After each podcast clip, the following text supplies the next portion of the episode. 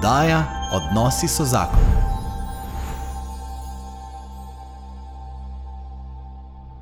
Dobrodan in dobrodošli v oddaji Odnosi so zakon, v kateri danes gostim prijatelja in igralca, očeta, um, moža, Gregorja Čušina. Gregor, živijo, pozdravljen. Zdravljen, živijo. Živijo.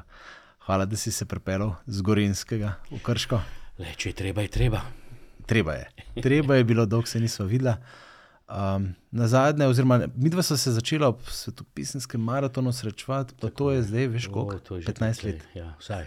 15 let je. Pa jih 30 kg. A ja, no, dobro. Sem z moje strani. Z moje pa tudi ne par, ne bova povedala, koliko. Lepo, Gregor, deva peva najprej malo. Um, poznamo te, vidimo te v kakšnih nadaljevankah, vidimo te v filmih, pozna, spoznali smo te po Hagadi, po Evangeliju po Čušinu. Mm, si eden bolj prepoznavnih slovenskih igralcev, ampak deva zdaj le najprej, predno greva v tiste smeri, iti na Gregorja Čušina osebno. Gregor Čušina osebno takšnega, kot je zdaj. Se pravi, še vedno oče šestih otrok, pa mož ene žene. Še Kaj, vedno. Ja. no, kaj to pomeni zdaj le v tem tvojem obdobju, ki si mogoče mm, kakšen let čez 50, recimo? Ne? Ja, recimo. ni nekaj, ki že. Ja. No. Zanimivo je, tako, da sem v kakšnih pogovorih rečejo, vsi ga poznamo, vsi te poznamo. in tako naprej. Jaz se pa iz dneva v dan zjutraj, ko se zbudim, pa opravim teh par nujnih fizioloških funkcij, ne, za možaka mojih let, potem pogledam v gledalo, pa zmeraj bolj spoznavam, da ga ne prepoznam več, da ga ne poznam tako dobro, kot sem mislil, da ga poznam. Včasih v negativnem, včasih pa v pozitivnem smislu. Mhm. Tako da trenutno v fazi, v kateri sem zdaj, ne, teh nekaj let, čez 50, ko so ti otroci že kar zrasli, da so čez glavo zrasli, že kdaj, to je jasno, ampak mhm. zdaj, ko je čas, da zapustijo gnezdo, ko se počasi pripravljava z ženo, da bova upava ostala sama, sama v tem smislu, da, da se bodo osamosvojili pa zapustili mhm. to našo hišo. Uh, jaz v sebi, tako rečem, v glavi sem še zmeraj star tam enih 26, 27, glava dela na polno. Uh -huh. Ta del srce in duša, to je vedno, to je otrok tukaj noter. Ne, upam, da božji otrok. Ne. Kar se pa nižjega predela tiče, ne ta osrednji moški del je tam ene. Krepkih 60, noge so že blizu 90, Aha. tako da enkrat se bo to združilo ne, in vse skupaj umrlo. Ampak, ko hočeš reči, te, te, te neke um, razdalje v meni se, se zdaj stopajo skupaj. Ne.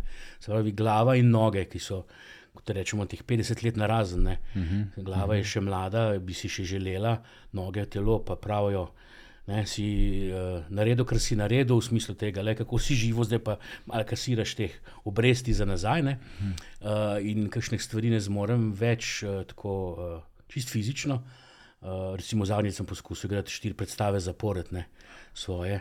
Uh, in sem bil z, ne samo utrujen, sem bil skoraj pol mrtev na koncu. Ne.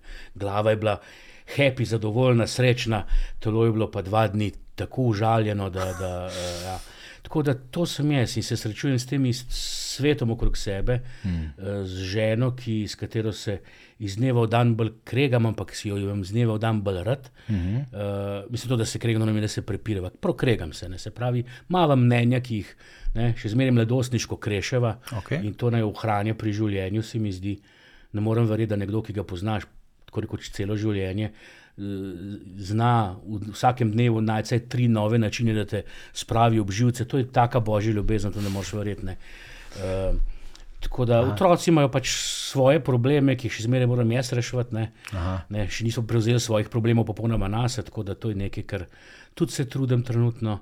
Uh, in ne vem, sem odgovoril v zadostni meri na vprašanje. Mm, ne še čisto. Ne še čisto. Ne, no, ne, pa, pa pod vprašanje. Pod vprašanje. Kaj, recimo, ne, ker najprej peva tole z ženo, ker so odnosi so zakon.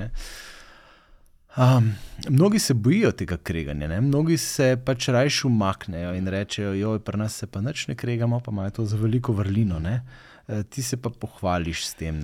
Kako, kako to recimo dojeti na prav način, pa da to ne vodi, vendarle, verjetno v to, da bi bila vedno bolj narazen, vsak, ampak ja. sta si vseeno praviš, se imate vedno bolj radi. Ja, ja.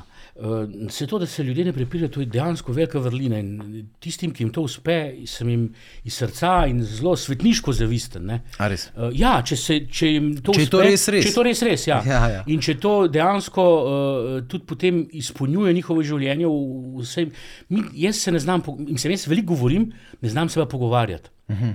Uh, moja žena je pa veliko tiho in se ravno zelo ne zna pogovarjati. Ne.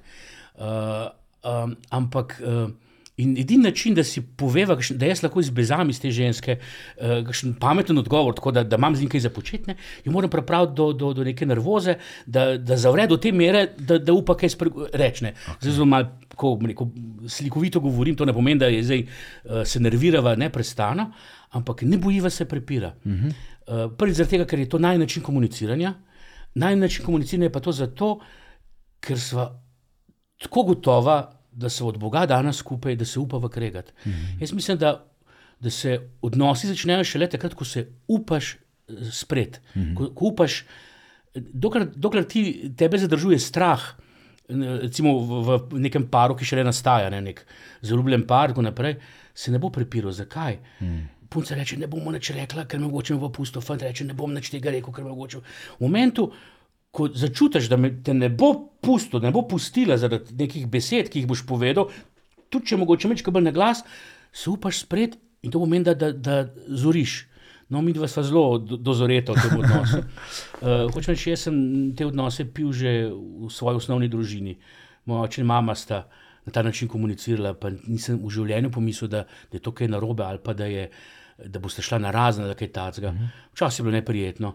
Uh, ampak tako, tako, sem rasel gor. Moja mama, potem, ko je bila tudi ona pokojna, ampak ko je bil oče pokojen po desetih letih, je rekla, tako ga pogrešam. Vsaj še skregala bi se z njim. Ni rekla, da bi me objel, da bi ga objela, da bi se poljubila. Ne, skregala bi se z njim. To sta počela cel življenje, to je bila njena ljubezen. Okay. Sem se imela rada 200 na uro. Wow. In na nek tak način tudi mi da komunicirava. Uh, To ne pomeni, da se pretepamo, to ne pomeni, da, da, da se na naš iščemo prepir, ampak enostavno se navada te komunikacije. Ne pravim, da je to zdaj priporočam, uh, da se kregate. Ne, ampak če se ne znate pogovarjati, da se vsaj skregate. Absolutno. Uh, ker če stvari pometaš pod preprogo ali pa pokriješ z neko pokrovko, ja. to bo enkrat razgnala, pa en bo en prišel, pa bo tisto preprogo dvignil, noter bo pa plesen, svinarija, gniloba in tako naprej. Dajte to spucati. Uh, ampak se pravi, prepirati se upaš šele, ko veš, ja. ko se upaš, ko veš, da si gotov, da, da, da, da, da je to to. In uh, mi dva smo že od zelo zgodaj prepričani, da, da smo en za drugega, da nam je Bog spravil skupaj. In da če se, jaz včasih tako rečem, da se vsak dan znova trudim, da bi to spravil na razen. Ampak to je spravil Bog skupaj in to ne gre. Ne, jaz se svoje strani trudim, da bi šel na razen, ker se pač tako sem in se prepiram in tako naprej, ampak ne gre, ker je to Bog spravil skupaj. Ne, govorim se tako, upam, da me razumete. Moji otroci pravijo, ja, ti ne upamo prijateljev povabiti domov, pravim, zakaj. Ti tako govoriš, niso vsi navajeni take komunikacije. Ne? Jaz pač govorim večkrat bolj slikovito, prehitro tudi seveda, uh, uh, večkrat divjim, pa ljudje mislijo, da če jaz rečem, se ženo prepiram, izpade, da jo pretepam, deleč od tega. Samo enostaven, uh, mal belska vedna drugega in se ima rada. In si je to treba tudi znati dovolj. Meni je večkrat vidim ta dovoliti si skregati se, tukaj v zadnji veliko pomaga ena zaveza. Ne? Če je poroka od zadaj, tega danes pri mnogih parih ni in ja. potem je tukaj ta strah. Vzati. Še nekaj je treba povedati, to ni enosmerna cesta, prepir ni enosmerna cesta. Mm -hmm. Če se upalo samo nekdo prepira, mm -hmm. tukaj pa tiho, to ni prepir. Mm -hmm. Prepir je uh, spor dveh enakovrednih partnerjev, da rečem. Mm -hmm. Če to je enosmerna cesta, je to življenje, to, je to zloraba, da, da bomo to razčistili, ja, da bo ja. še narzbudil in ga dal odsklical, pa rekel, kaj, kaj tukaj, kakšne odnose tukaj propagirate. Uh, ja, uh, seveda ta zaveza neka pogodba, Tako. zavezujoča, ampak hkrati pa popolnoma svobodna. Mislim, to pogodbo, ki jo mi damo, si jo damo, to pozabljajo ljudje. Mislim, ljudje tega sploh ne vejo. Mi, ki smo zakrmentalno vezani, se pa tega premalo zavedamo, da smo si zakrment zakona podelili mi sami. Mm -hmm. In da je na, v, v, v tem smislu na svetu veliko več poročenih parov, kot pravimo, da jih je. Ker poroka je kaj? Da rečem, odnos, ki tudi telesno, fizično živi. Mm. Ne? Koliko ljudi živi poročeno, uh mhm. -huh. pa pravijo, da niso poročeni, pa so poročeni. Hmm. Se razume, v kaj govorim. Ne? Razumem, ne Ja. vem, če bo to čist šlo skozi. Ne, ne bo šlo skozi, ne, ne, ker, ker, ker je to zelo nekaj osebnega. Ja, ja. Neki, na, na ne, zelo osebni ravni. Mene zelo moti neko uh, posploševanje. Uh, neko, uh, že tako kot kristijani pravimo, da smo čreda in pa znotraj te črede rečemo, da moramo razmišljati, kako si razmišljajo, in se ne upamo biti črna ovca. Ampak črna ovca je ovca v principu, je del črede. Mi si pa ne upamo biti črna ovca, ker moramo biti belko, kot vsi ostali. Ne, bod lisast, bod rjav, bod rdeč, kakorkoli. Že zmeri si del črede, ampak razmišljaj svojo glavo. Uh, in eh, ker te Bog jemlje osebno. Bog ne posplošuje. Bog ve, da imam jaz drugačne probleme kot ti. In da, da imaš ti drugačne probleme kot tvoj sosed. Bog točen ve. In mi se pa radi damo na skupaj imenovalce, rečemo, uh, moški stari nad 50 let imajo te pa te pa te težave. Pari, ki so tako skupaj, tako, ženske so take, moški so taki. Mi da so, recimo, jaz in moji menite, so popolnoma drugačen par. Običajno v parih ženska vel, veliko več govori kot moški, običajno. Pa nas je ravno obratno. Pona- pona- Ponavadi ženska kuha. Je, hočem na nek način sva, sva obrnjena na glavo in sva mm. uh, zasukana, in, in zne- zmeraj znova trpiva zaradi tega, ker ne- nekdo skuša dati na njihov imenovalec. Mi imamo v svoj imenovalec. Mm -hmm. To, kar nam je skupno, je to, da smo v odnosu, da smo moški, da smo ženske, da smo poročeni, da smo krščeni. Ali, ne? Ampak znotraj tega smo pa tako posebni, tako osebni in pozabljamo na to. In si ne upamo biti to. Ja. Jaz vidim veliko ljudi in parov, ki so zakrčeni zaradi tega, ker, ker skušajo izpolniti neke, neka pričakovanja, ki so od zunaj. Hmm. Par nima nobe, ne bi smel imeti nobenih pričakovanj od zunaj, ampak samo iz sebe noter, iz tega božjega, ker tako, mislim, ko rečemo od sebe, ne vem, egoistično, ampak iz tega. Dovoliti si dostojanstvo, Tako, ne, ja. biti, biti individuum. Ne? Pa tudi pač pogum, da, da si upaš biti to, da čutiš drugače kot ostala čreda. In je v redu. Še zmeraj si na istem pašniku, še zmeraj ja. si z istim plotom, še zmeraj si istega pastirja. Mm. Blejš pa mehen drugače. Zakaj ne? Ne? Zakaj moramo si reči, be, e, e, jaz bi rekel, be, e, e, e, e, e. ne? Tako, Blejem drugače kot ostala ovca, še zmeraj sem pa ovca, še zmeraj pristajam in ljubim tega pastirja, ki nas hrani. Ej, fajn, ovca si. Ja. Mislim, da je ovo, no. A ja, malo si ovna. Ej, dej povej res, kako se pol ta dopuščanje te svobode, ne, ki praviš, si jo moraš najprej sam dovoliti, to mi je zelo pomembno. Pa je to nekaj, česar se tudi jaz sem se moral naučiti, no, se ni zgodil samo od sebe. Uh, pol se mora še žena tudi isto, ne, da lahko mi dva, potem pa mi dva kot starša, kot oče, kot mama kako na primeren način, bi rekel, spuščati te odraščajoče otroke v svet, oziroma jim dajati primerno svobodo. Recimo, če se spomneva tvoje zgodbe, ali pa če morda lahko izhajaš iz nje, ne? kako je tvoj oče, ki je bil umetnik, sicer slikar, dojemal tvoj AGRFT in tako naprej. Ja. eh, Ne vem, to če boš je- naredil to paralelo. Pač to. Ja, ne, kar se tiče spuščanja otrok, to je nekaj, kar absolutno ne znam, oziroma ne, ne znava in se učiva. Ne, na zadnje, ne. Prvič to delate. Prvič to delava, ja. Čeprav bo- veliko, mislim, hočeš reči, z otrok, s prvim otrokom misliš, usvojiš neko znanje, kam že drugega otroka reče, zdaj pa že znam. Pri šestem spoznavam, da imam pojba sebi sanjane. Že ko smo pričakovali prvega otroka, moja milita je bila pridna, brala razne priročnike, knjige in tako naprej. In sem rekel, v redu, sej, prav, ne, pripravi se, ampak ti, te knjige so napisane na podlagi statistik. Ne. Vzamejo toliko in toliko otrok, toliko in toliko družin, toliko in toliko mam, preučujejo in rečejo, se pravi, tako pa tako spet ta nek, ko bi rekel, uh, Poenotenje in ja, ja, to neko posploševanje, ne. posploševanje. Ne. Se je rekel, naj otrok bo nekaj posebnega. Nemogoče, da ga lahko uvrstiš v to, v to razpredeljence. In pol, če zmeri povem, tako, da, da se mečem ženo sposodam, ne, uh, primer, ne, uh, ko smo imeli tega prvega otroka, jaz sem nekaj delal v hiši, ne, ker nekaj že meni bum in, ue, ue, ue, in zaupi Melita, grega, grega, kaj naredim, Kristina mi je padla s posle, kaj ni naredim. Sem rekel, poberijo. A to ne piše v nobeni knjigi. Ne hočem reči, jaz sem se zmeraj bolj zanašal na to intuicijo, na ta trenutek, na to, da je moj otrok nekaj posebnega mm. in da bom že znal. Enkrat sem priznam, mislim, na noter po penu, na neki krogli mizi smo bili, bili so neki gosti, ne bom rekel kateri, in en možakar za mano je rekel, da ima tri otroke, take pa take težave in vprašal ga eh, za okroglo mizo, kaj bi on s temi otroki naredil. Jaz mislim, da mu stopa, da ga bom udaril, tako sem bil besen. Pa se niso njegovi otroci, tvoji otroci so. Ti jih poglej, to je tvoje, tvoj mm. geni, tvoja kri. Poglej ga v oči in pomisli, kaj čutiš in naredi to. Mm. Ne? ne pa da sprašuješ, razumem, iščeš na svet, tako naprej, ampak to je tvoja odločitev. nisem nik- Samozavesti nam manjka, ne? o- Spet. Na vseh področjih. Spet, ne, ja. ja. Tako da, uh, zdaj, da sem prišel do te samozavesti, to ni zdaj nekaj, kar je bilo kar tako samo od sebe dano, ali pa da, eh, nekaj, ne vem, da se zbudiš eno jutro in rečeš, zdaj pa vem, ne, poznam samo modrost tega sveta. Uh, mi, da smo šla z, z, z Melito skozi dosti precej teh nekih. Borb nekih od, v najnem odnosu. Res je, da smo že zelo zgodaj skupaj prišla, stara sem bila 15 in 16 let, poznava se, torej, mislim, poznava se še več, ne, ampak skupaj smo oh, 38 let, poročena 30 let. Uh, in uh, to, da so se tako obrusla, je zahtevalo neke, neke boje, neke rane. Uh, hude rane tudi, uh -huh. ampak ne na zadnje, to je tako kot nekdo, vojak, ki pride z fronte ne, uh, in potem pokaže, da je bila ta granata, da je bil bajonet, da je bil šrapnel, da je bila ta bomba in je ponosen na te rane, mm. ker je preživel, mm. živ sem. Mm. Ranjen za domovino in ne, očetnjavo, ampak sem živ, bi šel še enkrat, razno ne. Isto je z nami, ne bi še enkrat ponovila te poti, ampak to so najne rane preživela sva in jih ponosno pokaževa. Zato govorimo o tem, da se prepireva. Zato, če grem mm. kam na župnijo ali pa pričujemo v najmenjem življenju, poveva vse, kar so si hudega in trapazga storila. Da rečeva, da se preživeti. Da še tle kaj poveno. A še kaj takega. Ja, ja, recimo, ja, ja. kaj takega.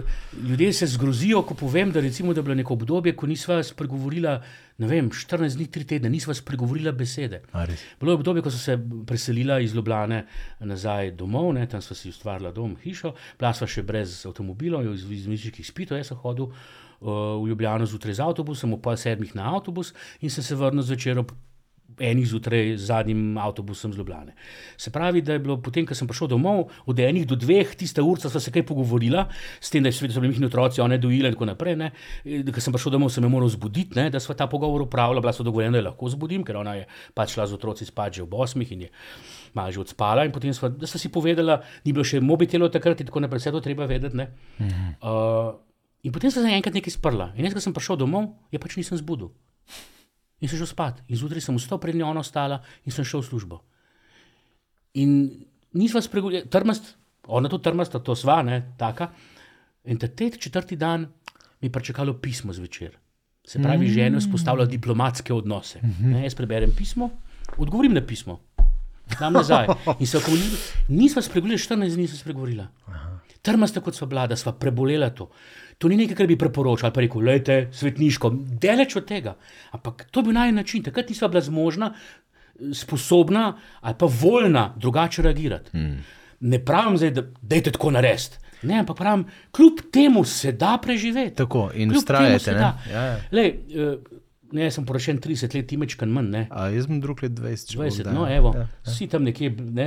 Uh, se spomniš, kaj smo preporoki obljubili, da jo bom ljubil in spoštoval, se pravi, eh, kako je že v ljubezni, v bolezni in zdravju. Ljubil in spoštoval, ljubil in spoštoval vse ti svojega življenja. Ja.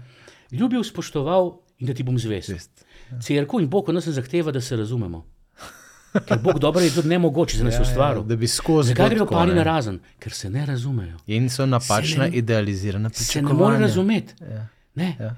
Ti jo ljubi, jo spoštuj in bodi zvest. Tega si sposoben to biti zraven tebe razumeti, tudi podrazno ne. Po 30, 38 letih je ne razumem. Aha. Ampak to ni razlog, da bi jo pustil. Mhm. Je razlog, da se spreva, je razlog, da je malo bolj zelo putne zvrati, pa grem, pa rečem, da ima uro, ne? pa pridem zunaj nazaj, pa rečem, ok, da je vse pomen, ker pač nisem, ampak ni razlog, da bi jo pustil. Ljudje grejo pa na razen točno zaradi tega, vse je super, krasno je, krasen kuha, lepo zgleda, ampak jaz si ne razumem, je ne moš razumeti. Hmm. Ni šanse, da bi hmm. razumel. In Bog tega ne zahteva, zvestobo, ljubezen in spoštovanje. To pa lahko dam. Ne, ne nujno v tem vrstnem redu, ne vse hkrati, ampak tega sem sposoben. Ja. Razumeti tega, tudi podrazno. Mi se pa trudimo to razumeti, ni šanse. Uh, lahko samo delček tega dojamemo. Delček, delček, delček tega. lahko pa fajn je, da se trudimo v to smer. Ja, seveda, to absolutno ne, ne. Uh, ne govorim tega, da, da, da, da, da zdaj smo. Ker, ker, ker si lahko olajšaš pot. Ja. Malo si jo lahko olajšaš, najbolj pomembno pa je to, kar praviš. Ne? Ostati tam. Ja. Ostati tam v odnosu. In zato pač govorimo o tem, poveva te, te to najno zgodbo, um, pokaževa te rane, rečeva, lete, hudo sva se. Hudo, ni, ne vem, če ima kjer par to hran kot midva, ne, ampak evo, preživela, hmm. živa, še zmeraj semava rada. Ne. Super. A to je zato, ker je Melita poročena s kolerikom? Ja, nisem, no, jaz sem kolerika, priznam. Ja. Uh, ne, ampak Veš- hočem reči, da, da, da od ženske, ki ima toliko domišljije, da se zaljubi in poroči z mano, da pričakuje, da imela domišljijo, da bi me uh, varala, da bi mi lagala in tako naprej. Ne. Uh, mi dva se res skupaj toliko časa že in na tak način smo prišli skupaj, da Mislim, jaz se sebe trdim skoraj kot crkva, ne peklenska vrata ne bodo zmagali. Vem, piše, kdo misli, da stoji ne gleda, da ne pade, ne? ampak hočem reči, uh, da povem to zgodbo, ki mislim, da je pomembna, zato da bodo ljudje razumeli, zakaj tako ponosno govorim o tem, da sem posebna. Ona je bila zatrpana vame od 12. leta. Od 12. leta naprej je molila, da bi jaz postal njen mož. Jaz sem približen od iste starosti, prav 12 let sem bil star, bil nek misijon v župniji, pa smo začeli moliti. Uh, sem molil za dobro ženo. Hmm. Uh, in potem sem en večer šel na sprehod, srečal no, ker smo se poznali s pevskih vaj. Ne, uh, in pač po spremu, smo malo klepetali, ne, se je verjetno zdela, se je Marija prikazala, nekaj mene srečala. Ona je šla domov, jaz sem šel domov in sem šel domov, sem rekel, to je to. Jaz nisem bil enega dneva, za, oziroma en dan sem bil zatrpan vano, samo ta dan. Naslednji dan sem šel ven, da bi jo našel in sem jo našel in sem rekel, mi da se zaskap. Je rekla, ja, ne. In potem so še isti večer rekla, da se ne bova ne objela, ne poljubila, ne držala za roke, dokler ne bova prepričana, da se bova poročila. Prosto je pa za mulca stara 15 pa 16 let, nekaj, kar ni prišlo od nje, to je prišlo od. Ja, ja, ja, res je. Nama je bilo to tako tako pomembno, da, da, da to osnovno nežnost, mislim, za roke pa je to, ne, objeti, poljubiti, dava samo tistmu, ki bo moj za zmeraj. Hmm. In jaz, razen v igralskem poklicu, nisem objel pa poljubil nobene druge ženske, pa še v, v, v poklicu je bilo to zelo nekajkrat in, in ne, Bog me je obvaral tudi tam, ne, hočeš, uh, drugače, in, in iz tega čist telesnega zaupanja Hmm. mi dva živiva in raseva. Hmm. Hočem reči, ker, ker vem, da ni bilo nobenega na tem področju, ni, nobene ni bilo na tem področju, mi da so se skupaj in, in, sva- in iz tega raste neko to zaupanje, da se lahko tako besno skregava, ker, ker si tako zaupava, da smo res danes skupaj, ker naj jo je Bog na ta način spravil. Wow. In potem smo eno leto zdaj samo hodila, samo hodi eno leto. Po enem letu smo se spet približno v istem času začeli o tem pogovarjati, tako nekako začutila, da ja, mi dva smo se skupaj, ne se bova poročila. In potem sem se objela, držala za roke, pa poljubila. Tle smo naredila mejo Hmm. in to je bilo tako. Hmm. Hočem reči, in, in iz, iz tega, in tudi um, odnos z Bogom naj je tak, mi- jaz se z Bogom precej prepiram. Moja mama je rekla, ti si predrzen. Sem rekel, tako predrzen, kot je bil recimo Jona predrzen ali pa Abraham. Abraham je barantov za, za, za Sodoma pa Gomoro. Ne, Hmm. ne, Noe, ne Noe, uh, Jona, no, sem, ne, tako naprej. Sveti možje, zakaj se ne bo prepirati, ne? Da mi povej, odkot izvira ta tvoja tudi korajža za tak pristen odnos z Bogom, oziroma kdaj si ti to nekako doživel, začutil, uh, začel graditi. Mislim, ok, ste bili verna družina doma in tako. Ja, mi smo bili, veste, recimo, klasična katoliška družina. Ja. Ja. Nič posebnega, ampak dobro, posebno v tem, da jaz sem peti otrok, pred mano so bili uh, gajsne sestre, ki so uh, začele z mladinskim verukom naše župniji, ki so uh, te prve duhovne vaje kobalo oziroma eh, no, frakcijo, jaz ja, hodile in tako naprej. In jaz, ki sem bil malo za njimi zamaknen, ne, sem si strašno bit, želel biti z njimi. Ne. Uh, pa nisem mogel zaradi te starostne razlike. Ne. In jaz sem eden otrok, ki si je hrepenel po tem, da bo šel na duhovne vaje. A si kdaj že slišiš kakšnega birmanca, ki hrepeni po duhovnih vajah? Jaz sem hrep, ne zaradi Boga, ne, ampak Ja, ja, ja. zaradi družbe. Ne. Ja. In sem želel to, kar so oni živeli, in sem neko pot našel že uhojeno, in sem šel po tej poti. Kdaj se je zgodil ta, rekel, ta Da si za pogum? pravega razloga začel to. ne vem, ampak mi, smo bili prišli skupaj, mi smo začeli to skupaj to hojo, tudi ne, na duhovne vaje. Mi, da se prosti čas preživljala v župniji, v, v aktivno poleti, duhovne, še iz vojske sem prišel na dopust, tako da sem šel na duhovne vaje. Tako naprej, hodila sem v Parelemonial, mislim, da 9 ali 10 let tako naprej. Wow. Tako da predvsej tega ne, se, se, se je nabralo, kdaj je to preskočil, ne vem. Uh, mogoče, ko sem začel, mogoče je to bolj aktivno bilo, ko sem že kot igralec uh, želel narediti nekaj uh, igralskega, iz nekega, nekega čist samoljubja, ego tripa igralskega. In sem pač naredil svojo prvo predstavo in sem naredil iz tega bazena, ki ga poznam. Ne. Jaz nisem naredil predstave o, vem, trgovini, ampak sem naredil predstavo o Bogu, mm. ker mi je to zapolnjevanje in sem videl, da, to lahko nekaj, da tukaj znam nekaj povedati. Ne. In mogoče se iz tega načina, potem, pač, ko, ko, ko, ko ustvarjaš neko, neko, eh, nekaj literarnega, da tako rečem, ali pa dramskega, uh, se dobi neke distance, malo mal bolj, ko reko, gledališko pogledaš na zadevo in mogoče je tudi ta moj odnos z Bogom na neki način bolj gledališki, da upam uporabljati ne samo, ne samo neko dramo, ampak tudi komedijo, pa tragedijo, v, v, v neko dramaturgijo, pravzaprav v odnosu z Bogom. Da upam, ne nazaj, mislim, doživljam Boga, res mislim, ga čutim in vem, da je oseba. Hmm. In ne vem, jaz si ne predstavljam, bi, da bi prišel na obisk svojemu očetu. Pa, pa mi je oče vprašal, kako si, in jaz bi začel brati, eh, ne vem, eh, koledarček dogodkov svojih. Ne. V ponedeljek sem bil, sem imel to pa to predstavo, torek sem bil tle, ampak poveš, kako se počutiš. Se pravi, ne bi kljukc našteval. Ja. Ja. Uh, in, ja. in, in sem pač povedal, kaj čutim, in, in tudi z očetom se skregal, če bilo treba, ne, s tem očetom se skregaš, mi se skregaš. Poveš mu, uh mhm. -huh. ne, ampak v odnosu si. In veš, da te ta oče ne bo pustil. Mislim, jaz se nisem začel skregati tako, da bi rekel, da te nočem nikoli več videti. Mm. Ampak se skregaš, čakaj, zakaj, kako? Zakaj misliš, da bi bilo tako? Jaz sem mislil drugače. In prej smo mi z očetom prišli skupaj. In še po tolikih letih, oče je zdaj že 14 let pokojni, kada se mi zgodi kaj zelo pomembnega, ali pa se odločim o nečem pomembnem, imam refleks, grem ata vprašati. Rečem, vse ga ni. Hmm. Pogrem, priznam, grem na pokopališče. Hmm. Čeprav se lahko tam za mizo, ampak grem tja, da sem fizično na nek način blizu očetu grem tja in, in z njim debatiram, z njim se tako, kaj, kaj ni naredil, povej, hmm. kaj bi ti naredil. Po vseh teh letih, neke velike stvari, ki sem že odrasel, menjava avtomobila, nakup stanovanja, ne vem, uh, tako naprej, sem predebatiral z očetom. Ne da bi, nekako sem potreboval njegov žegen hmm. in se nisem čutil zaradi tega neodraslega. Jaz sem tako, a te povedal svoje, jaz sem pa, pa, pa svoje naredil, ampak rabo sem njegovo mnenje. Wow. Hotel sem, hotel sem imeti njegovo mnenje. Kaj ti misliš? In sem bil vesel, da so se strinjali. Se pravi, sem to potrditev. Če nisem to potrditve, sem potem še parkrat preveril svojo odločitev. Nikoli nisem naredil samo zato, ker je oče tako rekel po očetu. Ne. Okay. Ampak v njegovem mnenju sem preveril svojo odločitev. In ta odnos je tudi tukaj. Ja.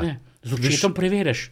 To, to, kar imaš ti v resnici iz tega odnosa z očetom, ven, to je kar bi naj bilo.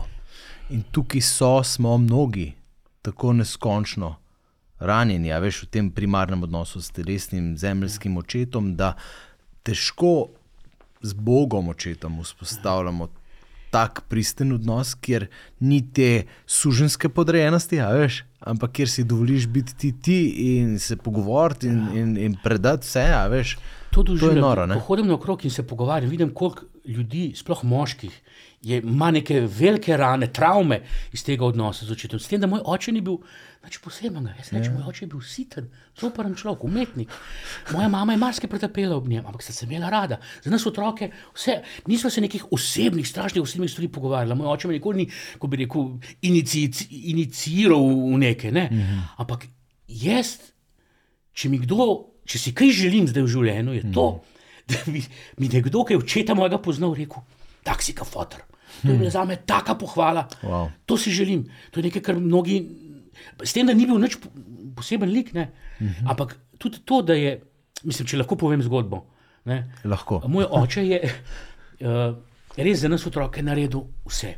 Mojim otrokom je pa on, uh, slikar je bil, narisal njihove zavetnike. Hmm. Se pravi, Kristini Klari narisal sveto Kristino, Matijo Jošto svetega Matija, Krištofu Mariju svetega Krištofa, Filipu Damenu svetega Filipa, Luciji Barbari sveto Lucijo. Uh, in ko smo pričakovali uh, ta šestega, hmm. se ga že kaj spustil, sem povedal, uh, ta šestega, a to je takrat že ugašal in smo šli se pozanimati. Prvič smo se vprašali na ultrazvuku, kaj imamo, zato da bi Ata vedel, kakšnega vnuka bo dobil in da je to dec. In smo rekli, Petr Miklaus, se pravi. In smo rekli, Petr Miklaus, ki je oče že bil v bolnici, ko je že ležal na smrtni posteli, za katero smo oba vedela, da je, pa so oba delala, da to ni. Hmm. Uh, sem bil prenajem enkrat na obisku in je rekel, ti pripravljeno staro delo doma, jaz bom narisal svetega Miklauža. Hm. Izmičujem se, zakaj Miklauža, mogoče svetega Petra narisati, ne Miklauža. Ne, prvega svetnika izmerili so, ne, ne drugega. Pa sem rekel, da pomir se, pozdrav se, ko bo čas za to, bo že. Ne. Čez dva dni sem prišel na obisk in rekel, si pripravil unodilo, jaz vem, kam bo v sliko obesla. Ne, to je on, te slike, to so bile, kam je treba dati, to je on kot slikar vedel. Ne, Kaj ta dejno mir naprej. In zdaj ne vem, ali naslednji ali čez dva dni je oče umrl. In potem je moja mama klicala okrog ljudi, jih obveščala. In med drugim klicala tudi tega fanta, ki- kateremu je oče nosil slike ukvirjati. Hmm. In temu fantu je ponovadi plačal tako, da mu je kakšno sliko pustil. Se pravi, ponesel je pet slik za ukvirt, štiri odnesel, eno mu je pustil, da je on naprej prodal ali pa obe, se pravi, na tak način mu je plačal. In ta fant se je začudil, da je oče tako hitro umrl. Mama je rekla, da je hotel še na zadnje še slike, da ne zadnje hodnega Miklauža na slike, in tako naprej na staro odilo. In ta fant si je to v glavi nekako prevedel tako, da je prišel na pogreb od vseh petih otrok. Pa se nismo, jaz tega človeka nisem poznal, mogoče Ja. sem ga dvakrat videl v življenju, prvo očetu na obisku. Na pogrebu mi je prinesel na belo plastično vrečko, meni, vse rekel, na to je za vas. Jaz sem mislil, da so šli sveče in sem tisto vrgel stran. Potem začeli, ko smo po pogrebu prišli domov, pa prinesli se te, tisto robo domov. Reče, kaj pa je to, sem rekel, a to je pa prinesel možakar. Odprem tisto belo vrečko, plastično noter je bila na stari dili naslikana svet, eh, slika svetega Miklauža. Ker pomeni, da je oče z one strani naredil to, kar mi je obljubil, da bo naredil. In jaz sem tisto moment vedel, da bo oče v nebesih. Kako, mislim, kako je pa to? Ali, On, on si je pač, ta fant si je prevedel, da rabimo sliko svetega Miklauža in oče mu je enkrat podaril in je tisto sliko snel s stene in jo prinesel meni. Se pravi, Ja, noro, oče je rekel, noro. da bom narisal, narisal za spet raz sliko svetega Miklauža in to sliko je prinesel. In jaz sem se zavedel, da je oče v nebesih. Siten, zoparen, tečen kot je bil, da je v nebesih. In sem rekel, mater, milo upanje tudi za me. ja. Ne? Zato bi bil kot fotor. Bog drugače gleda na te stvari, mi se Ja, sekiramo ja. zaradi tega, ker se sprejemo in tako naprej. Ne, jaz mislim, da te božje tehtnice malo drugače vagajo. Bog nas pozna, Bog ve, kakšni smo, Bog ve, če smo sposobni. Mm. Bog tehta naše namene, pa odločitve, seveda tudi naše dejanja, ampak vidi naše namene, naše odločitve, ve, pozna naše razloge. Ne? In, in, in nas sodi po tem, kar smo, ne po tem, kar smo storili. In praviš si tudi tisti tam zunaj, prijatelji tvoji v teatru, Ja. veliko bolj upajo biti, kar so. Ja, Napram nam, recimo, Ja. ja. če greva mal na tale družbeni, naš, ja. našo družbeno dialektiko, ja, kako bi ja, temu res. rekla. No, ko, sem se, od- evo, ko sem se odločil za akademijo, pa so doma to povedal, sta mi oba, mama in ata, rekla, pa ja ne bo šel med pijance in da ne bom kakšne grde besede rekel. Ne. Uh, in sta imela kar prav. Ne. Mislim, ti ljudje, ta svet je tak, predan nekemu telesnemu užitku. Zdaj, če te, to, to rečemo s tem dvema besedami, pijanc pa. Ne. Tam nekje smo. Ne. Uh, in tudi eh, mi, kristijani, imamo o ljudeh izven naše ograje, na on stran plota, ne, ker trava meda ni tako zelena, kot pravimo, da je. Oni, oni, trdijo, da je. Eh, Vidimo v teh ljudeh bolj kot ne neke grešnike. In, uh, so grešniki v naših očeh, so cestninari, so tako naprej, karkoli že. Ampak uh, jaz sem pa skozi leta zmeraj bolj spoznaval, koliko je v teh ljudeh pristno dobrega. Hmm. Mi doskrat naredimo kaj dobrega, ali pa nekaj, kar je lepo, zato ker vemo, da je lepo, pa da je Da prav, pa ker Bog od nas to zahteva in da ne bi naredili kakšnega greha, držimo se nekih zapovedi in tako naprej. In doskrat delamo iz nekega strahu, mm. ravnamo kot, kot ravnamo. Mm. Oni teh ograj, teh plotov nimajo in so svobodni. V tej svobodi večkrat pohodijo marsikaj, kar je lepega, in marsikaj rožco, pa marsikaj zdravilno rastlinco pohodijo. Hkrati s- pa takrat, ko ravnajo dobro, ravnajo dobro iz Pristnih nagibov. pristnih, pri- pristne, čiste ljubezni. Mi lahko rečemo tako, da jaz povem to primerjavo. Ne? Če bi jaz rekel, joj, moram skopati eno uh, jamo na vrtu, Benjamin, mi prideš pomagati, boš rekel, joj, nimam časa, bom pomalo zate. Meni ta molitev čisto ne pomaga. Mislim, mi pomaga to, da vem, da misliš name, ampak jama se ne bo skopala sama. Medtem ko če jaz rečem svojemu kolegu stati, rečem ti, jamo za skopati, prav ti kdaj. A moram kram sabo prenesti, ga imaš ti. Hmm. Oni pridejo in naredijo. Veliko večkrat kot mi.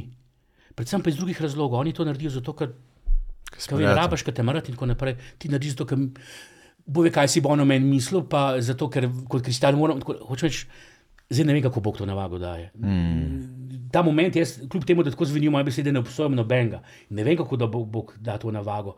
Samo vem pa, da to, da sem jaz znotraj, ene- da se jaz uh, samega sebe um, identificiram kot kristjana, še ne pomeni čist nič. Ne? To, da, da sem prejemnik nekih zakramentov, zelo malo pomeni. Mislim, to, da sem krščen, je ena velika zadeva, ampak če jaz iz tega krsta ne živim, mm. Ni to kaj dosti. To je mrtva črka na papirju, da, da tako rečem. Ne? Uh, mislim, s tem nočem več božje moči imeti stran, ampak hočem reči, jaz iz krsta ne živim, je krst mrtev. ne. Ja, ker nisi v dejanju uverjen. Oni pa živijo nekaj, kar bi pravzaprav včasih mi morali živeti, mm. brez nekih zakramentov, brez tega od, odnosa z Bogom. Zdaj lahko se tudi rečeš, da oni pravzaprav tudi tako delajo, ker nam, ne, ne potrebujejo Boga, noče Boga in ravnajo to iz. Tudi tako se lahko na to gleda. Se pravi, delam dobro, ne zato, ker je Bog, ampak zato, ker sem jaz hočem biti dober. Ne vem. Ali pa res Bog srca. malo širši, kot smo mi navajeni. Tako, jaz, Ja. mislim, jaz predvsem mislim to, da Ja. ne na zadnje, preveč vekam. Kar čakaj. Zato smo tle. Ne na zadnje, veš, uh, Jezus je rekel, da smo sol, sol zemlje sicer, ne, ampak mislim, zemljo soli, ne vem, je to kakšna posebna zemlja, ampak hočeš, jaz bi rekel, sol pa kruh, ne. Mi smo sol. Mm. To je Jezus rekel. Mi, kristijani, si pa večkrat želimo biti ali pa si to prizadevamo, da bi bili kruh. Ali pa živi, hočemo doseči kruh. Ne, ne, mi smo so v kruhu. Mi hočemo, da bi vse svet čutil, kot mi čutimo, pod neko uh, parolo, Jezus je nas je poslal, da ne sprobrnemo v svet. Že res. Ampak, uh, uh, ta, če rečemo, ta svet kruh, ne, so da okus temu kruhu. So ta kruh naredi užitenega in te soli je čist mal. Ne vem, če si kdaj že za meso, jaz večkrat to mesam in tako naprej. Vem, kaj, in, uh, če boš delal kruh moke, zle- seveda ne boš pozabil. Ne boš pozabil dati vode, ne boš pozabil dati kvas, oziroma če boš pozabil kvas dati, No, boš opazil, prej boš dal v peč, ker, ker pač se ne bo dvignilo. ne. Uh, edina stvar, ki lahko pozabiš dati v kruh, je sol. In šele, ko ugrizneš v kruh, ugotoviš, da ni soli. In zdaj, nisem še slišal, da bi kdo ugriznil v kruh ali pa ne nazadnje, no, mogoče še drugo hrano že, je, da bi ugriznil v kruh, pa rekel, u, raven prav soli. Ne, rečeš, krašna skorja, kako lepo diši, mehka se, vse pohvališ. Pritožiš se, premalo soli ali pa preveč soli. Uh -huh. Nikoli pa ne rečeš, raven prav soli. To, da je na svetu raven prav soli, je samo po sebi razumljivo. Nas, kristijane, kritizirajo, da nas je preveč ali pa premalo. Če ne živimo te svoje slanosti, ali pa če, mo- če smo presolili zadevo. Ne, takrat kritizirajo in mi smo pa tako užaljeni. Ali pa, ko nas noben ne opas, rečemo, noben nas ne opas. Takrat nas noben ne opas, pravzaprav najbolj funkcioniramo, ker je to sol. Ravno prav soli, noben ne opas v kruhu. In mi moramo to dometi, da bomo mi, da sol odreši cel kruh. Hm. Veš, mi mislimo, da moramo narediti cel svet kruh. Ne, mi moramo dati sol temu kruhu. Mi bomo odrešili te ljudi, ki ni nujno, da so krščeni. Kako jih bo, mislim, zdaj govorim malo heretično, ne, kakšen se bo najdel ne, izven krsta, izven cerkve. Ja, ne vem. Jaz mislim, da Bog ni birokrat, on to že nekako. Ampak hočeš mi smo poslani, da damo okus temu svetu. Hmm. Ampak raven prav, raven prav. Če probava to zvest, mislim, ne bova šla zdaj v to debato, strinjam se, ravno prav. Še zmeraj mislim, da smo poklicani. Ne, ne, ne. Poklicani oznanjati, Ja, ja. ampak verjetno na drugačen način, kot si mi običajno predstavljamo.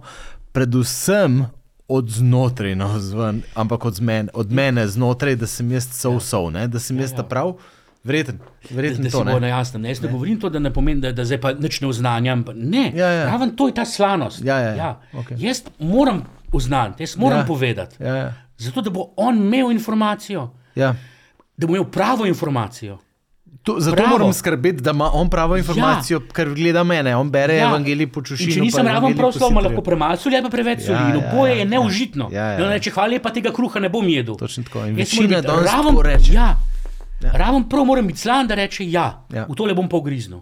Ja. In znotraj tega je vse to oznanjevanje. Ja, ja. Delež od tega, da jaz pravim, da se moramo zapreti. Uh, No, no, okej, okej. Kje pa samo uh, drugačno pričakovanje moramo imeti. Mi Ja. mislimo, da, da bomo pa z nekim uh, tem, da nas bodo ljudje opazili, pa da bomo, da pa bomo vsi prisotni. Ja, ja, ja. Ne, ne, ne. ne. Ja, ja. Um, tako, in, in seveda, zdaj, v, v, tudi uh, rekel, količina soli se spremenja od količine velikosti hlebca. Mm Mhm. -hmm. Veš, na mehko žemelco daš malo manj, kot daš v en dvokilski hlebec. Ne. Ja. Hočem treba imeti mero. Mi te mere doskrat nimamo, zato ker mislimo, da znamo. Ne. Naprej, tudi, če, se veš, No, kako če, če se sol razsoli, ne, kaj pa bomo bolj z njo? Mislim, sol se ne more razsoliti. Mislim, sol se pokvari, pravi. Pokvari ne? to drugo. Pokvari. Sol Kako ne more izgubiti svoje slanosti, Kako se pa pokvari? da se zmeša. Uh -huh. z nekim zemljo, z nekim pepelom, svetom, da se zmeša. Uh -huh, uh -huh. Edini na ta način se sol pokvari. Uh -huh. Sol slanosti ne izgubi. Aha, okej. Sol se lahko samo pokvari, ker če ti zmešaš s pepelom in ne boš več dobil ven. Če zmešaš sladkorjem, je ne boš dobil več ven. Mm. Če jo daš v vodo, ne boš dobil več ven. Ne? Sol Ja, se ja, ja. pokvari, sol se, naloga soli je, da, da izgine, da se raztopi. Ampak če jo zmešaš z neko posvetno stvarjo, z neko zemljo, z nekim prahom, neužitno stvarjo, takrat se pokvari. Mm. Slanosti pa tudi takrat ne izgubi. Okej. Sol ne more izgubiti slanosti. Kako ti skrbiš za svojo znanost? Oh, tako da mi že ne reče, pet se solid. Uh, kako skrbim za svoje? Ja, zelo dobro vprašanje. Ja, uh, ja lej, skrbim za to, da se trudim biti vsak dan boljši kot včeraj. To ne pomeni, da, da zdaj uh, širim količino ampak, nekega verskega udejstvovanja, ampak se trudim učiti na izkušnjah včerajšnjega dne, da, da gremo ta dan pametnejši, kot sem bil včeraj. In ko rečem pametnejši, ne pomeni uh, z nekim aktivizmom, strašnim, vsaj jaz ne, ampak z neko sprejetostjo. To je tako, kot bi rekel, kako se trudiš biti boljši voznik. Se ne trudiš biti boljši voznik. Mm -hmm. Ne razmišljaš o tem, kako bi bil lahko še boljši voznik. Ti narediš šoferski izpit, narediš, potem nekaj časa prestrašeno malo voziš in potem rataš. Ne, samo zavest, in potem rečeš, lahko pridem tako naprej. Ne, ne, nikoli ne razmišljaš o tem, kako bi bil lahko boljši voznik. Mislim, ko rečeš boljši voznik, ti moraš biti ravno tako dober voznik. V, v trenutku, ko si naredil izpit, moraš biti dober voznik in moraš tako stati. Tisto, kar dela boljšega voznika, so izkušnje, mm -hmm. je zrelost. Mm -hmm. Zdaj, kar se mene tiče, če nekdo voz uh, 30 mimo šole, za, sam zato, ker se boji, da, bo, da, bo, da, da, da je tam le radar, pa da plača kazen. Ne, to pomeni, da iz strahu pred policaji mm -hmm. vozi po pravilih. Ne? Še zmeraj imam rad tega, ker nekdo, ki se ne zmeni za policaja, pa bo meni šole zdaj v 60, pa mojega otroka zbil. Uh, ampak veliko boljše, če se on zaveda, da more nekje, kjer je šole, kjer so otroci, zmanjšati hitrost, mm -hmm. zato da se ne zgodi kaj neprevidljivega. Ne to naredi dobrega voznika. Mm -hmm. Zdaj, če to obrnemo na versko življenje, je isto. Ne? Uh, če se ti držiš zapovedi iz, iz samo iz strahu, mm -hmm. potem si sicer ne, previden voznik, nisi pa še zmeraj moder voznik. Ti se zdaj v tej mm -hmm. ulici pazaš, na ulici pa sploh ne boš opazil uh, tistega znaka. Ti, ti moraš biti bolj, ti moraš postati dober voznik in v dobrega voznika naredijo izkušnje. Ti ne moreš za mizo postati dober voznik. Dobro voznik postaneš lahko samo na cesti, z izkušnjami, ko previdno voziš, ko opazuješ, ko si pozoren na to in potem čez nekaj časa sploh ne razmišljaš več, kako voziš. Še zmeraj si pa dober voznik. Mene moti, recimo, prost, jaz sem predvsem na cesti, pa govorim te šoferske stvari, ampak jih potem prenašam na, na, na naše duhovno življenje, zato da je ljudem jasno. Ker mislim, da, da moramo dobiti en jezik, da ga bodo ljudje razumeli. V Sloveniji največkrat slišimo, največ nesreč povzroči alkohol in hitrost. Hmm. In zdaj vsak, ki, ki vozi po omejitvah in ni pijan za volan, že misli, da je dober voznik. Mhm. -huh. Jok. Največ nesreč povzroči človeška neumnost. In samo človeška neumnost. In neumen človek gre pit, pa sedaj za volan. Neumen človek prehiter voz, tam, kjer ne sme. Ne? In neumen človek naredi neumnost. Sprav, alkohol in hitrost sta posledica neumnosti. Hmm. Zdaj pa nekdo, ki je ne pije, In voz po mitvah misli, da je dobro voznik, potem voz tako, da spravi 20 ljudi za sabo, obži, ne, ne, se razume. Prav tako ne. Ravno tako je v duhovnem ja, življenju. Ja, ja. Mi moramo stremeti k temu, da, da reče se molil, molil, Bog me pa ni uslišal. Zakaj? Zato, ker si imel neko pričakovanje, kaj hočeš od Boga in to hočeš dobiti, in zdaj te Bog ni uslišal, rečeš molitev, nič ne pomaga. Ja. Ne bi zdaj bili molil, le, le še oče, ki je umiral, pa smo molili za zdravje, jaz sem molil, da se zgodi Božja volja. Hmm. Nisem molil, da bi oče ozdravel, pa bi bil živ. Se mora, da se zgodi božja volja. Zato, ker jaz ne vem, tako si predstavljam, če bi moj oče še nekaj časa živel, pa bi še se matro po teh bolnicah, da tako ti bil, ah, bi bil velik revež. Tako, tako bi pa, od, ne, Bog je že vedel, kaj dela. Se pravi, sprejeti božjo voljo. Hmm. Moj pa sprejeti to, kar pride. To te naredi dobrega voznika. Hmm. Če pa ti pričakuješ, ne, ne, to in tega ne dobiš, potem si pa užalen, potem pa rečeš, molitev brezvezna, pa nehaš moliti. Ali pa moraš tako, ne, izgubiš odnos, vse se pravi. Gradiš odnos vedno bolj v tem, da z izkušnjo rasteš v prepuščanju. Ja, recimo. Le Bog je živ. Hmm. Bog je, z Bogom se da pogovarjati, z Bogom se da barantati. Abraham je dokazal, da se da barantati. Bog, Bog je imel plan, rekel, jaz bom po tamanu. Abraham je rekel, ne, kaj pa če, rekel, prav, pa ne, če boš tako. Kaj pa če, preberite odlogo od Abrahama. Hmm. Hmm. No, se na koncu je potamano, ker ni nobenega dobo, ne. oziroma oni so zbežali lotove družine. Veš, Bog je bil pripravljen na barantanje, on je imel neko, nek plan, ampak je bil pripravljen popustiti. Ne? Bog je imel plan, da bo Nini če se jih je ona pavela, sta mi blizu, ne, sta tako razburila deca, ne? da bo potamano Nive. Nini so se pokrižili in Bog je spremenil plan. Se pravi, božji načrt, božja volja, ni nekaj, nekaj nespremenljivega. To je zdaj tisto čudo, ne? Bog je vsemogočen, se ve, kaj bo naredil. Ja, ampak Bog je hkrati, jaz ne vem, kako to funkcionira, vem. Ampak, Nas pokliče k sodelovanju. zgodovina in izkušnja mi kaže, da je, da nekaj, kar se kaže kot božja odločitev, se da spremeniti. Če ti ponudiš Bogu, če zbarantaš z njim, če rečeš, lej, če prepričaš Boga, Bog se pusti prepričati, ker, ker je živ, hmm. ker te ima rad. Jaz tudi rečem svojemu otroku, ne boš, mislim, se pravi, zakazan, ne boš, boš cel teden brez telefona. On reče, prav, ne, sem ga posral, ampak bi ga vseeno lahko dobil ta petek, ga nujno rabim, zato ker bom to, pa to pa bom in naslednji teden. In, in jaz spremenim, rečem, prav, spremenim odločitev, zato ker vidim, da ne, otroku več pomeni, če mu tle dam mečken. Hm, Isto je Bog oče z mano pobrantane. Se da prepričati za neke stvari. In to je molitev, to je pogovor, to je odnos. Mi pa rečemo, to liberado bo, zdaj pa malo za to.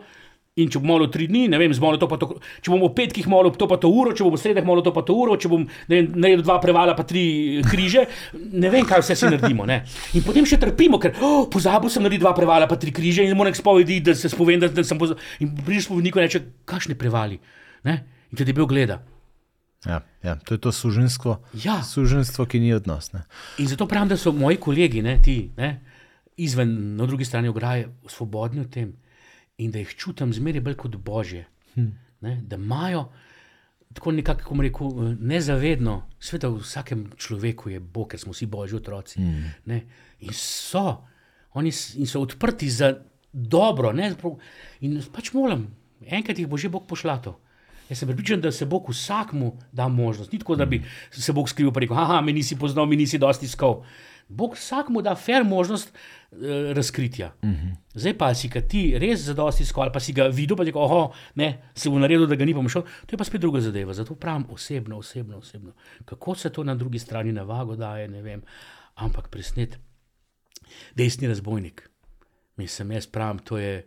eh, Zadnja šansa, razumeš? Cel mm. življenje je živel kot razbojnik, visel na križu, trpel, verjetno tudi on, da je kaj zaklel, ne? ampak je rekel, da je puzga. Ne? Telej mu rekel, puzga na mir in temu rekel, ti si pošten, mater, če si, kar si, bi bil jaz s tabo. In rekel, bot ne. In sem gledal, ni, ni, ni moja zgodba, ampak je strašno zanimiva. Pride desna razbojnik na uno stran v nebesa in tam manga čaka, prav, kaj pa ti tle? Prav, ja, ne vem, sem se me poslal. Prav, ja, ti mogo drugi biti, si ja, razbojnik. Prav, ja, ne, tle, ja, pa mislim. Čakaj, prosti, to je pa za moje nadrejene, pa gre nadangel, skrbi nadangel, pogleda, kaj pa ti tle. Prav, ja, ne vem, tle sem, prav, ja, ne mogoče. Dobro, čakaj, ma zdaj, če si tle, to pomeni, da, ja, ne vem, a znaš našteti eh, deset božjih zapovedi, prav, kaj, kakšne zapovedi, kaj, ne? Oh, telesna dela usmiljenja. Prav, kaj misliš o, o, o, ne vem, sklepu druge vatikanskega kozila? Prav, ne? In pa dan danes se razbudi, reče pa za božjo voljo, kako se znajdu tukaj, kaj ti delaš tukaj? Ne? Pa desni zbornik reče, un na sredini rekel, da lahko pridem. In to je to. Hmm. Un na, še imena mu ni vedel. Aha. Un na sredini je rekel, da lahko pridem. Wow. Mi ne, mi, mi smo pa ti Mi bi radi bili pa sinovi smo. gatekeeperji, ja, ja, ja. mi bi pa radi odločili, Mi smo ti sme, pa cariniki. ja, sme. ja. Ja, ja. Una prilika o gospodarju, ki ne ima hlapce, ene zjutraj, enega zvečer. Hmm. Ne, se pravi, un dela 12 ur, un dela eno uro za isto plačo. Človeškega stališča, totalna krivica. Ga ni sodišče na tem svetu, sploh pa ne krščanskega sodišča, ki bi rekli, da je to pravično. In ni pravično. Hmm. Ni pravično. Me noben boh ne bo pripričal, da je to pravično. Ta delo 12 ur, ta pa eno uro za isto plačo. Ampak v božji logiki je, da jaz ne razumem te božje logike. Tako kot žene ne razumem, tudi Boga včasih ne razumem. Uh -huh. Samo pa zvest, ga ljubim in ga spoštujem. Wow. Super. In to je to. Če Bog reče, da je to tako prav, mora biti prav. Jaz ne razumem, se ne strinjam, malo trpim, moj ego trpi, garov. Zakaj nisem jaz počakal do zadnje ure, pa bi samo majhen švico, ne pa da sem garov, pa imam muskel fiber. Ne? Ja, lahko riskiraš, lahko riskiraš do križa, do zadnje minute. Ja. Ampak a si prepričan, da si desni razbojnik, mogoče si pa telev. Ja. Ne? Tako da eh, Bog ve, kaj dela. In in to neko zaupanje te življenje potegne. To ni nekaj, da bi krtko bil, to te izkušnje, močne, težke preizkušnje te potisnejo v to, da ugotoviš. Pa misliš, da si že marsikaj naredil, ma Bog te zmeraj znova potisne na tla.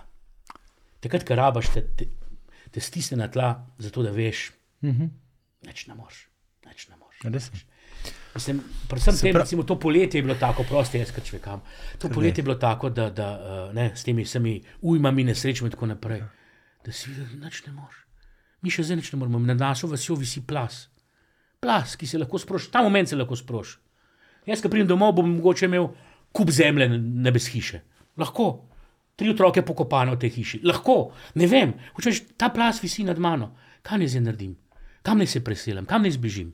To je moje življenje. Živim z upanjem, da ne, bo Bog, če bo rekel, da je treba iti, mi bo dal z nami, da je treba iti.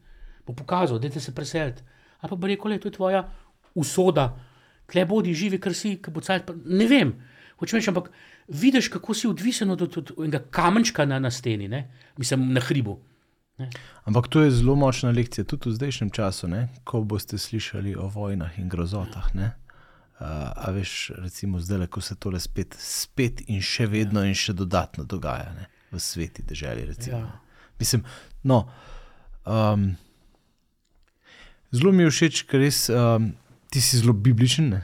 zato smo te na svetopisanski družbi vedno tako radi. Um, in dejansko vidiš iz, svetopi, iz svetega pisma no, in teh zgodb, teh ljudi tam vidiš, kako Bog prav um, na ta način, osebno, odnosno, kliče vsakega posebej ne, in ni tega formalizma in rigorizma in tako naprej. Ne, Ja, jaz mislim, da mi način, ne. svetopismo, tudi mi verni, prevečkrat doživljamo kot neko literaturo. Mhm.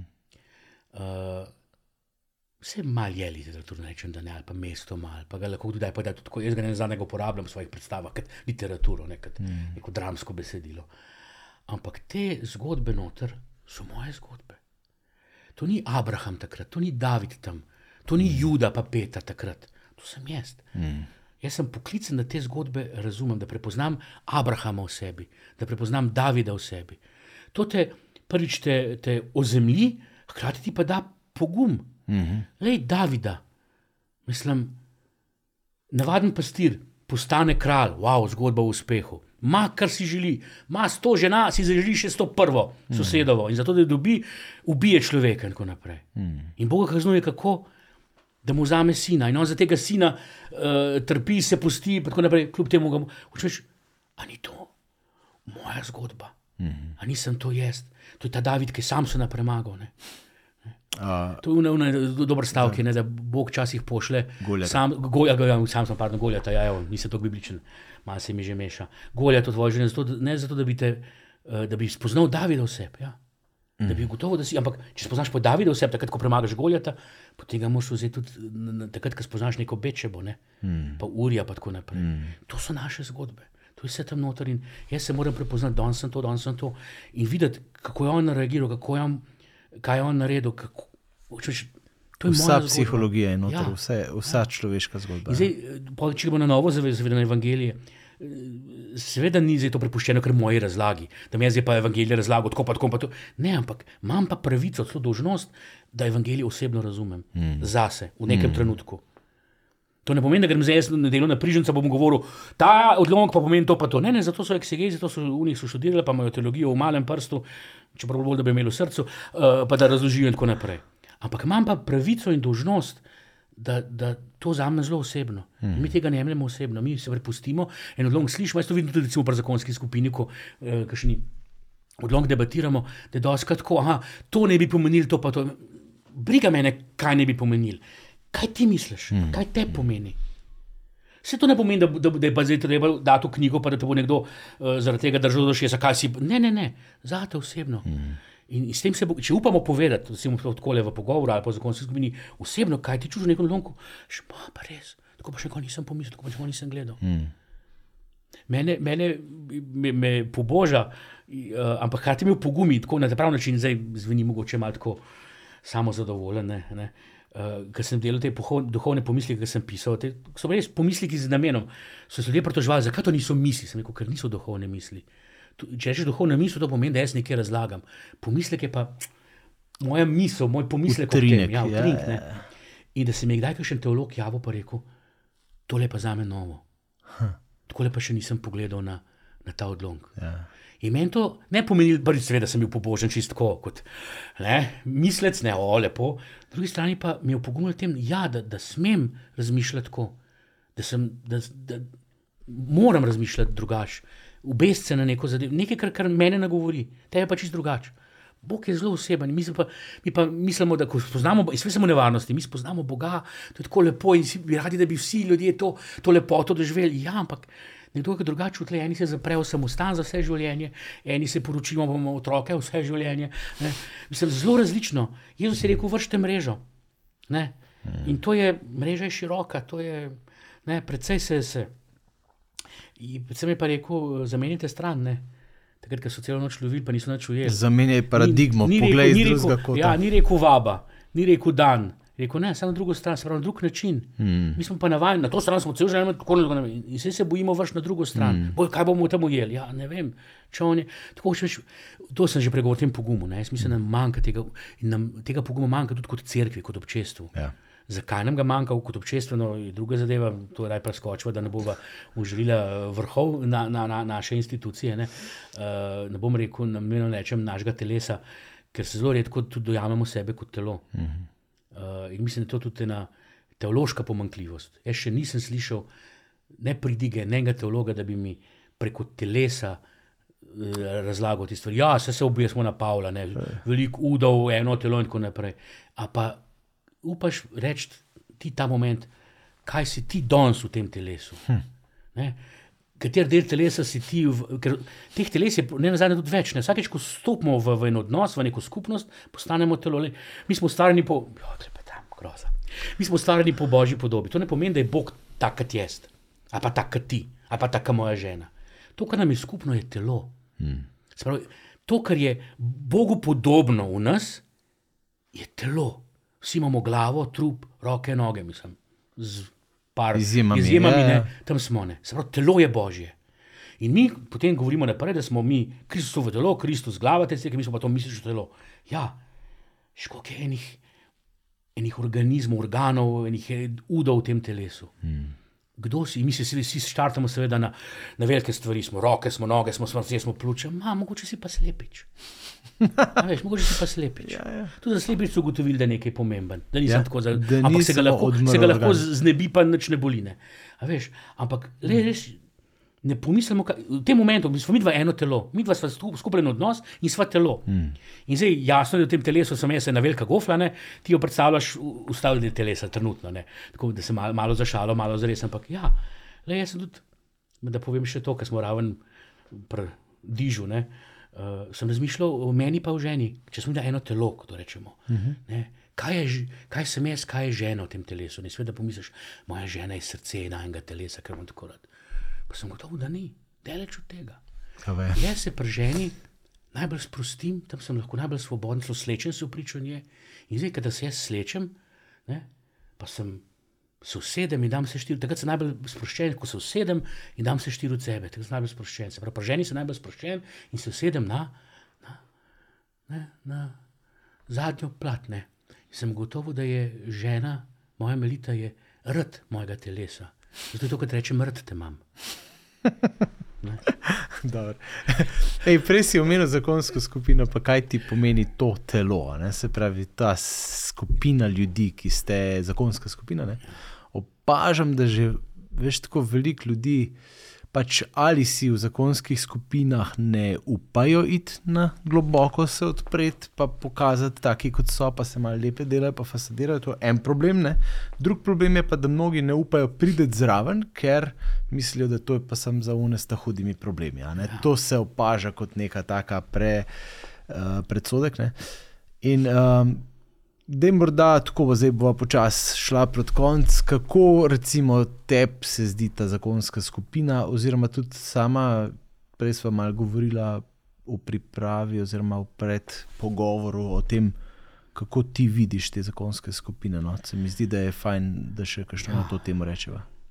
Le, eh, tako kot je vse nekaj posebnega v mojem življenju, tudi ta zakonska skupina je nekaj posebnega. Jaz sem prepričan, da ni, ali pa bom zelo presenečen, če se bo javil kdo pa rekel, da, ima, da je član take zakonske skupine kot je naša. Uh, v tej naši zakonski skupini smo uh, uh, jaz, moj brat, dve moji sestri, seveda z, z ženami in, in, in možmi, uh, in še uh, dva para, s katerimi smo rasli skupaj, zelo en par, ki smo rasli skupaj kot mladinski skupini, en ja. udovc, ker je Aha. žena pač umrla, ampak je vstal hmm. v naši skupini in ga tretiramo kot, kot zakonca, in je njegova žena prisotna preko njega, se sta eno telo, še zmeraj. Hmm. Uh, in en par, ki se tako priključuješ. Uh, Malo drugače, kot mi priporočamo, ja, ja, ja. ja, v redu, v redu. Ja, ja, ja, ne, ne, sej, ne, mi smo itek posebni, ampak hočeš reči, uh, uh, ne samo, da, da, da me človek tremo govoriti neke osebne stvari. Mm. Jaz moram te osebne stvari govoriti svojemu bratu, pa svojim sestram. To je težko, to, to je še težje. To je še težje. težje ja. Ampak gre in nam kot tej družini, ne, nekdani, oziroma še zmeraj smo, ne, je tudi pomagalo, ker mi se kot družina nismo prav veliko pogovarjali, pa so govorili o očetu, mi smo nekih globokih pogovorov, večjih pogovorov. Ne, ne, mi smo sami živeli kot družina, z njim očetom, mamo, ki sta nam dala vse, nismo pa to duhovnost. Ne, nismo tako, kot rekel, teh nekih pogovorov, ki jih zdaj priporočamo, pa ki jih ne nazadnje tudi upravljamo s svojimi otroki. Nismo imeli in jih tukaj zdaj razpiramo. Tukaj sem še pravzaprav spoznal, kakšnega očeta sem imel, kakšno mamo sem hmm. imel. Ne, ko sem se pogovarjal, ker ne prideš k bratu na obisk, pa rekel, da se pa pogovarjati nekaj globocega. V zakonski skupini so prisiljeni se pogovarjati nekaj globocega. In tudi mi smo rabili nek čas, da smo do tega prišli. Hmm. Uh, mi smo skupaj tudi že precej časa, zdaj, tako da so tudi bili so majhni otroci, zdaj so veliki otroci, prav majhne skrbi, večje skrbi, drugačne skrbi. Mm -hmm. Ampak smo, to nas je povezalo kot družino, sprejeli smo še dva, tri pare zraven v to družino, na nek način velik pogum z njihove strani, so upali priti v ja. neko skupino, ki je zelo družinska. Ja. Ampak dejansko smo zrasli ven z ene mladinske veručne skupine. Ampak ko smo skušali. Še drugam reči, v župniji, da se povezati, tako naprej, ker mi smo nas je zadostni. Um, ja, manjka ta pogum, ta odločitev, ta, uh, ta strah pred tem, kaj bom jaz mogel tam početi, prevaga nad tem, uh, kaj ti en govori, kaj boš dobil, ker ne veš, kaj boš dobil. Hmm. Uh, mi smo že z, mogoče res tudi z vršne skupine bili navajeni neke komunikacije in smo vedeli, kaj nas čaka. Ne? Uh, tako da bi ta moment tukaj na tem mestu rekel vsakmu, da se splača. Hmm. Čas tudi prideš tudi razburjen z te skupine, ne rečem, da ne, čas tudi si przadet ne hote, hmm. kaj ta zgam, ampak to je vse pozitivno, tudi kot pregovorim, te rane, ki si jih želel. Tudi te rane, ki jih dobiš znotraj neke take varne skupine, so fine, ti, ti pomagajo zoreti, opozorijo. Pravi, ja. te, zakaj me pa tukaj boli? Se ne krvavim, ampak ne starodarci tukaj. Nekaj, Več ne, različnih ja, ja. pogledov ti dajo na, na, na dogodek. Ti, ti olajša tvoj odnos, tvoj, tvoje probleme v družini, ker rečeš, nisi sam. Hmm. Ker imaš težave, misliš, da se to samo tebi dogaja, potem ko vidiš, da se to dogaja praktično vsem. In potem vidiš, kako en, nekdo drug rešuje podoben problem, ki ga imaš ti, rečeš, ne, to pa ni dobro za me. Všeš, pomagamo si, ne hoče si pomagamo, s tem, ko delimo izkušnje, si pomagamo, postajamo boljši vozniki. Tem, ko, ko, ko, ko, ne, ne rečem ženi, ki gre na pot, ki še ni vozila, jaz sem pa vozil, rečem, le pazi tam en, en ovink, zelo zoporen. Se spomnim, enkrat sem in kolegici, ki so še gradili avtoceste, sem rekel, se prepeleš z, z Avstrije dol po avtocesti, ker enkrat je avtoceste konci in je ostro ovink desno, merke, da ne boš. Mikicala čez dva dni je rekla, le sedem noči sem se prepeljala in se spomnila na to. Če mi ne bi rekel, bi zletela na novinku ven. Wow. Meč, tako si pomagamo. Ja, na tak način. Ja. Tako da jaz to priporočam. Tudi, uh, mislim, da bo to, če, ko bo svet propadel, ne, če se spomnimo na pogovor, ki so ga imeli prej, ne, bodo zakonske skupine ostale. Hmm. Če se bo odločil, da, da, da crkve ne potrebuje več, če se bo tako odločil, govori zelo heretično. Bog ne da, da bi me zdaj kdo za vse vlekel, ampak hočeš reči bodo zakonske skupine ostale. Hm. Kulturna društva, eh, prostovoljna društva, pevski zbori, vse bo propadlo. Zakonske skupine ne bodo, ker smo ljudje, ki smo združeni iz, ne samo zaradi Boga in vere, ampak z istimi življenjskimi problemi. Hmm. Nas ne povezuje veselje do nečesa, nas povezuje življenje. Hmm. Mislim, gasilce povezuje to, da hoče pomagati ljudem, kadar gori. Ne? Ali pa še kaj drugega zraven. Pevski so povezali ljudi, ker radi pojejo nas povezuje zakonske skupine, ker radi živimo. Wow. In nas povezuje življenje, in, in, in so zakonske skupine del življenja. Tega, so, to ni nekaj, kar rečemo, da gremo pa nekaj drugega početi, da se malo dahnemo tega. Ne. To je to. To je to, to, je to. to, je to. to, je to kar živimo. Ja, ja. Ja. In mislim, da bo to, to bo preživel. Uh, in tudi jaz govorim, da ne na zadnje, mi zakonsko, se pravi, zakrmentalno poročeni ljudje, imamo nekaj, kar papež nima. Jezus je rekel, ker so dva, so trije zbrani v mojem imenu, da sem mm. jaz sredi med njimi. Ker pomeni, da mora vsak človek na svetu, tudi papež, bogi papež v Vatikanu, najti nekoga enako mislečega, da se poveže z njim, vsaj enega, če ne dva, da lahko reče v polni meri, Bog je z mano. Mm. In jaz mislim, da papež v Vatikanu težko najde dva, tri enako misleče, malo za šalo. Ne? Mi dva, ki smo pa zakrmentalno poročena, imamo pa to zmeraj sabo. Mm. Če smo na smrt skregana, je Jezus z nama. Ker naj jo veže zakrament, ta zakrament je Jezus. Mm. Če smo na smrt skregana, je Jezus z nami, mi imamo zmeraj Boga, samo mi zakonci lahko rečemo, da imamo čist zmeraj Boga s sabo. Noben drug zakrament tega v taki polni meri nima. Ker smo dva ali trije v njegovem imenu, on je zmeraj z nami. Mm. In če bi mi iz tega, iz tega, tega temelja živeli, če bi se zavedali tega yeah. Ja, temelja, yeah. Ja. Da, da mi edini, ko govorijo o problemu, mislim, da ja, crkva je v krizi in tako naprej. Kaj bo rešili? Ne bojo duhovniki rešili, ne redovniki, ne redovnice, ne papež, samo zakonci lahko rešimo to crkvo. Hm. Samo mi lahko v polnosti pričujemo za Kristusa. Ker če rečemo, da on je duhovnik, on more tako, on je redovnica, on to je tako, tako naprej. Mi živimo normalno življenje, vsakodnevno življenje slehrnika.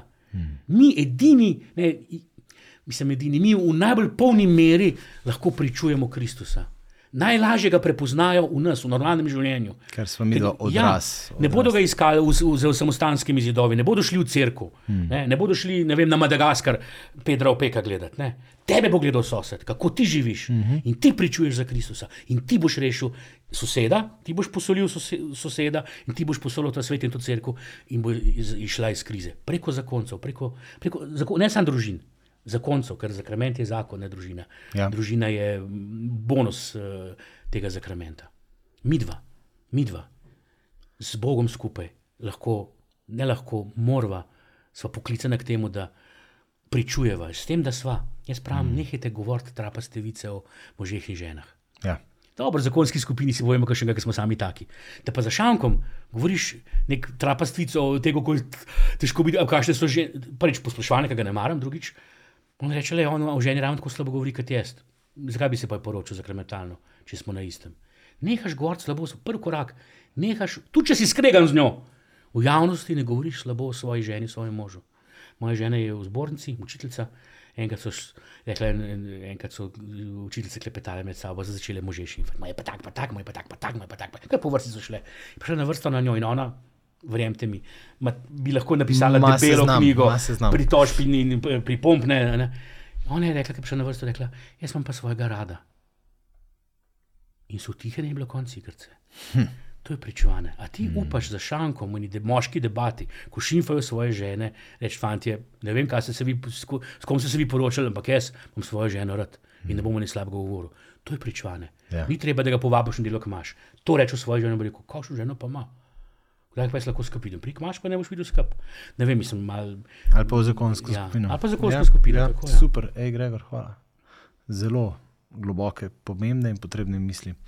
Uh, ja, zakonska skupina, predružini in življenju jih imamo, že kar nekaj, skoraj počasi bomo šli proti 300 v Sloveniji. Um, in še kar nastajajo, zdaj jih je en kup v nastajanju, tako da na strani diz.com si lahko poiščete prijavnico se prijavite, vas bomo poklicali, pospravili s takimi primernimi skupaj, ali pa lahko tudi svojo štartate na frišno. Um, ja, gre, jaz ne? svoje strani lahko samo rečem, splača se. No, to je splača to. Se. to, je to. Ja. Hvala ti za tvoj čas. Hvala za vabilo in ja. veliko žegna. Ja, hvala tudi vam za vaš čas. Ja. Srečno. thank you